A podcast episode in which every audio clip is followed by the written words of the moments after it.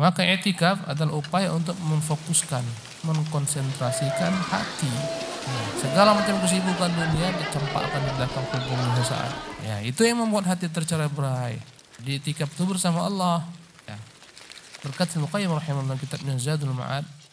Sebelum masuk ke kubur mukaddimahnya etikaflah di dunia bersama Allah Subhanahu wa taala semata. Hina la anisa lahu wa la ma yafrahu bihi siwa. Ketika tak ada yang dapat menjadi teman di kubur kecuali Allah Jalla wa ala. Wa maksudul i'tikafil azam. Inilah maksud daripada i'tikaf. Akhirnya yang menjadi kebiasaan beliau adalah 10 malam terakhir saja. Jadi 10 malam hari saja fokus.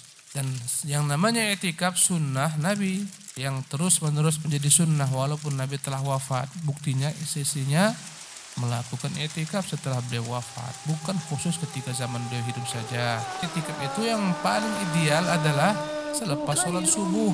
Itu yang Rasulullah lakukan. Selepas sholat subuh masuk dari tempat etikafnya. Itu etikaf Nabi SAW. Etikaf kita memang di masjid juga. Tapi kawan duduk sampingnya duduk eh, kawan yang lain ngomong itikafnya kata Ibnu Qayyim itikaf zaman Nabi itu launun ada satu warna itikaf di zaman kita. Oh launun akhar warnanya lain lagi. Itikaf kumpul-kumpul ngomongnya poligami.